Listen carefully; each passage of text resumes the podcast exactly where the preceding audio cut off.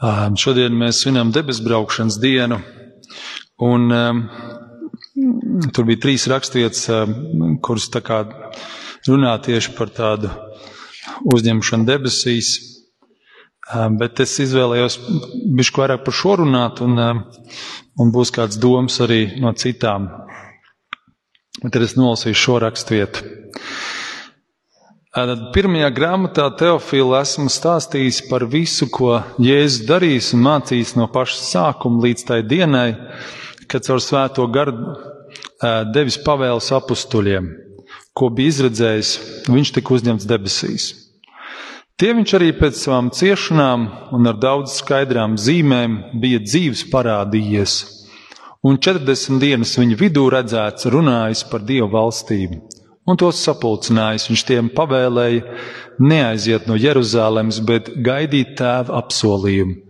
Ko jūs, tā viņš sacīja, no manis esat dzirdējuši. Jo Jānis gan ir kristījis ar ūdeni, bet jūs tiksiet kristīti ar svēto garu pēc nedaudz dienām. Tad tie, kas bija kopā, viņam vaicāja, Kungs, vai tu šajā laikā atkal uzcels Izrēlam valstību? Viņš tiem atbildēja, Nav jūsu daļa zināt laikus vai brīžus, ko tēvs nolicis savā paša varā, bet jūs dabūsiet spēku, kad svētais gars būs nācis pār jums, un būsiet man liecinieki kā Jeruzalemē, tā visā Jūdijā un Samarijā, un līdz pašam pasaules galam. To sacīs viņš tiem redzot, tika pacelts, un padebis viņu uzņēma prom no viņu acīm. Kad tie viņam aizejot, cieši skatījās uz debesīm, Lūk, pie tiem stāvēja divi vīri baltās drēbēs. Tie sacīja: Galilieši, ko jūs stāvat skatīdamies uz debesīm? Šis Jēzus, kas uzņemts prom no jums debesīs, tāpat nāks, kā jūs viņu esat redzējuši debesīs, aizejam. Āmen! Kungs, mēs pateicamies par Tavu vārdu un lūdzam, ka Tu nāc un svētī savu vārdu patiesībā, jo Tavs vārds ir mūžīgā patiesība. Āmen! Tātad debesu braukšanas diena, atcerēsimies, tā ir diena, kad, kā dzirdējām lasījumā, Jēzus nodod pēdējos norādījumus apustuļiem, mācekļiem, un tad viņš tiek paņemts debesīs. Un tad desmit dienas viņi lūdzās Līdz atnāca vasaras svētku diena, un vasaras svētku dienā viņi saņēma svēto garu, un, un tad viņi izplatījās pa visu pasauli stāstīt lielos dievu darbus. Un tātad šī ir tā debesu braukšanas diena, pēc desmit dienām svinām vasaras svētkus. Un citi arī saka, ka tas ir tāds īpašs laiks arī, ka mēs ne tikai tajā laikā, bet arī šodien, ja mēs pie tā piedomājam un tam sakojam, ka, ja mēs lūdzam šīs desmit dienas, lai Dieva svētais gars nāk, tad vasaras dienā viņš īpaši var nākt. Protams, mēs varam katru dienu saņemt Dievu garu klātbūtni, arī lasot vārdu un lūdzoties. Bet kaut kas arī ir tajos laikos, kad Dievs dod nezinu, Ziemassvētkus, vai Lieldienas, vai Vasaras svētkus, um, ka tur kaut kas īpašs var notikt, ja mēs, mēs sagaidām to, ja mēs ar ilgām gaidām, tad Dievs kaut ko grib atklāt. Eh, bet šodien es vairāk gribu runāt varbūt eh, no citas skatu punkta, tieši no tā debesu braukšanas skatu punkta. Um, šie eņģeļi, kuri, kuri satika šos galiliešus, kur droši vien tā muti vaļā skatījās, turien kā ģēzis uziet debesīs un bija tāda, kas tagad notiek? Tā, tie eņģeļi prasīja, ko jūs stāvat skatīdamies debesīs? Šis Jēzus, kas uzņems debesīs, prom no jums tāpat nāks, kā jūs redzējat, viņa debesīs aizējam. Uh, un varbūt, ka tādā mirklī viņi domāja, nu viņš tā kā drīz nāks, nu tā kā pavisam drīz. Mēs lasām Bībelē, tik daudz ir lietot šis vārds drīz. 2000 vairāk gadu pagājuši, vai ne? Mēs kādreiz viens ar otru jokojot varam teikt, nu, kad tu nāksi? Drīz. Un tas ir stiepts jēdziens, vai ne? Šeit varbūt tāda bilde uzlikta, cilvēki var lūkoties uz debesīm, lai zvaigznes pētītu, vai varbūt tur kaut kādas ornaments vai nezinu, ko galaktikas un tā tālāk. Bet kāpēc mēs lūkojamies debesīm? Un vai mēs lūkojamies uz debesīm? Es domāju, tās debesis, kur, kur Dievs ir. Es ticu, ka cilvēkam pēc būtības ir tendence lūkoties debesīs, jo viņš grib tur ieraudzīt Dievu. Es nedomāju, ka mēs nu, skatāmies kā mākoņi peld tajās debesīs, bet ka mēs, ka mēs vienkārši esam ar paceltām acīm uz augšu un sakam, Kungs, tu debesīs, man vajadzīgs ir kaut kas. Man vajadzīga tev palīdzība, man vajag tavs spēks, man vajag tavu klātbūtni ka šī lūkošanās uz debesīm, kas bija mācekļiem debesu braukšanas dienā, ir kaut kas tāds, ko mēs patiesībā varam paņemt ikdienā.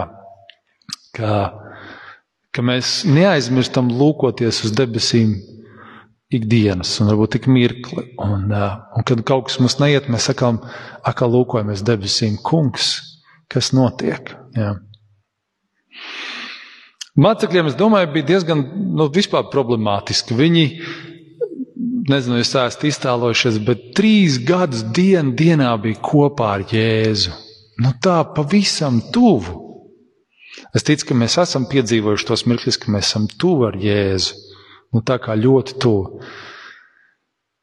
Bet tas parasti tomēr ir mūsu galvā, un kādreiz ne, tur ir tādas šaubas, ienāk, vai tas bija pa īstam, tā, tā, bet tur bija reāli pa īstam, reapčamdīt Jēzu. Un tas bija tas mērķis Dievam, ka Dievs nāca caur Jēzu, ka tas nav ka Dievs nav kaut kas tāls, kaut kur debesīs var būt, viņš tur kaut kur ir, bet ka viņš kaut kas ļoti taustāms. Un, un tāpēc arī Dievs caur Jēzu runāja, kad, kad mēs darām mīlestības darbus viens otram, ka mēs parādām to mīlestību darbībā, tad mēs varam kaut ko piedzīvot no debesīm. Jo tad tas, tas tā mīlestība, tas Dievs ļoti fiziski sataustāms kādā konkrētā darbībā. Um, protams, mēs lūkojamies uz debesīm, jo tur ir Jēzus arī pie tēva labās rokas, kā mēs to varam lasīt. Varbūt arī šeit ir tāds, tāds bildi viena, jā, pie uh, tēvs sēž un, un Jēzus viņam pie labās rokas, un tas valodas kā vienmēr simbolizē to svēto garu. Kad debesīs viss trīsvienība ir kopā, lai sveitītu tik vienu, kas viņus uzlūko, kas uzlūko Dievu, Tēvu, Dēlu un Svēto garu. Un, Un es nezinu, vai jūs esat piefiksējuši, um, varbūt tā tematika ir debesu braukšana, bet tas, tas konteksts tāds ir, nu, ka mēs varam arī lūgt atsevišķi katrai personai kaut ko. Kādreiz varbūt vairāk mēs runājamies ar Jēzu, kā draugu, un kur mēs varbūt esam nu, kaut ko tādu izdarījuši, ka mēs tā kā viņš baidamies no tēva un kā radītāja, un tomēr viņš ir taisnīgs tiesnesis un Dievs. Un, Un tad mēs tā, tā kā ar Jēzu kopā, nu, Jēzu, vai mēs tā kā pie tēva, vai, vai, vai kādi mirkļi, kad mums varbūt ir īpaši vajadzīgi, lai Dievs mums samīļo, un tad varbūt mēs to vairāk asociējam ar svēto garu, kad Dieva gars nāk un mūs samīļo. Un kādreiz varbūt mēs vēršamies arī pat taisnām pie dabas tēva, ja mēs kaut ko par radības lietām gribam runāt, vai par kaut kādu tādu, par mums varbūt kaut kādam iekšējiem raksturlietām, kāpēc Dievs to esi tādu man radījis, vai kāpēc sievietēm kādreiz varbūt netik smuka, vai šī tāda, vai tāda, un kaut kas nepatīk, un tad vajag aprunāties, kā saka. Jā. Man liekas, svarīgākais ir, lai ar kuru no Dieva trīsvienības personām mēs runājam, ka mēs lūkojamies uz debesīm un ka mēs runājam, vai ne? Ka mēs jebkuru jautājumu varam izrunāt ar Dievu. Jebkuru jautājumu. Un, un kādreiz varbūt arī mēs sagaidām kaut ko no cilvēkiem, to, ko Dievam ir jādod. Un tad mēs no cilvēkiem sagaidām, un tad mums varbūt pietrūkst, un tad mēs sacepamies un grūtsirdīgi paliekam. Bet, bet cilvēki jau nevarēs iedot to, ko Dievs var iedot. Mēs esam nepilnīgi, vai ne? Esam taču pamanījuši, ka esam nepilnīgi. Ne? Varbūt kāds vēl ir tajā ilūzijā, ka es jau diezgan pilnīgs. Mēs sagaidām arī to spēku, palīdzību visu no Dieva, vai ne? Sagaidīt arī brīnumus. Jā. Mēs sagaidām ikdienā brīnumus. Droši vien mēs varam vairāk sagaidīt brīnumus. Kāpēc tā mēs nesagaidītu? Nav obligāti teikt, ka Dievs dos, bet sagaidīt mēs varam. Ir svarīgi, ka, protams, sagaidot un nesaņemot, mēs neviļamies. Tāpēc varbūt kādreiz mēs arī nu, tā kā um, vairs negribam varbūt sagaidīt. Bet, um, bet ja tomēr mēs tā kā gaidām, un mēs esam tādi atvērti un godīgi, kādreiz Dievs dod, kādreiz varbūt nedod, kādreiz dod savādāk vai vēlāk, bet ir labi, ka mēs gaidām. Un tad es gribu vēl vienu stāstu minēt, atcerieties par Eliju un Elīšu. Atcerieties, bija lielais dievu pravietis Elija, kurš tur beigās liedzēja bāliem un lietu un vēl visu kaut ko. Un tad viņam pēctecis Elīša bija. Un tagad Dievs ir runājis Elīšam, ka to Elīju ņems debesīs.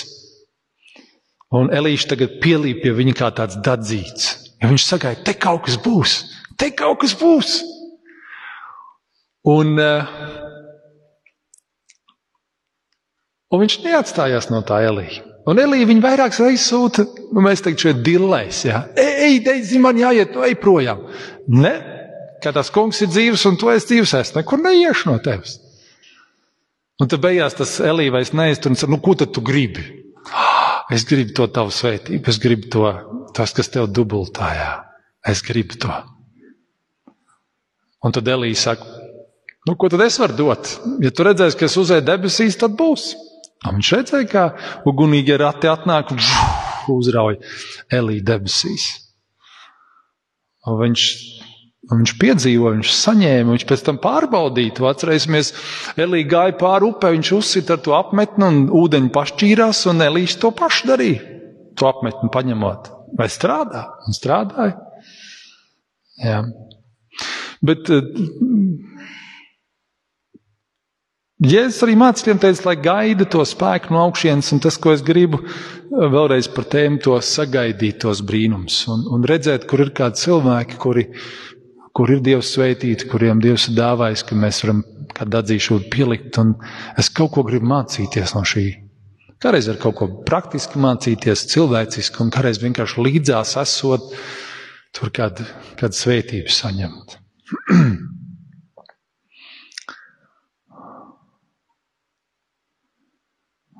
Gribēju kaut ko teikt, bet laikam nevajag to.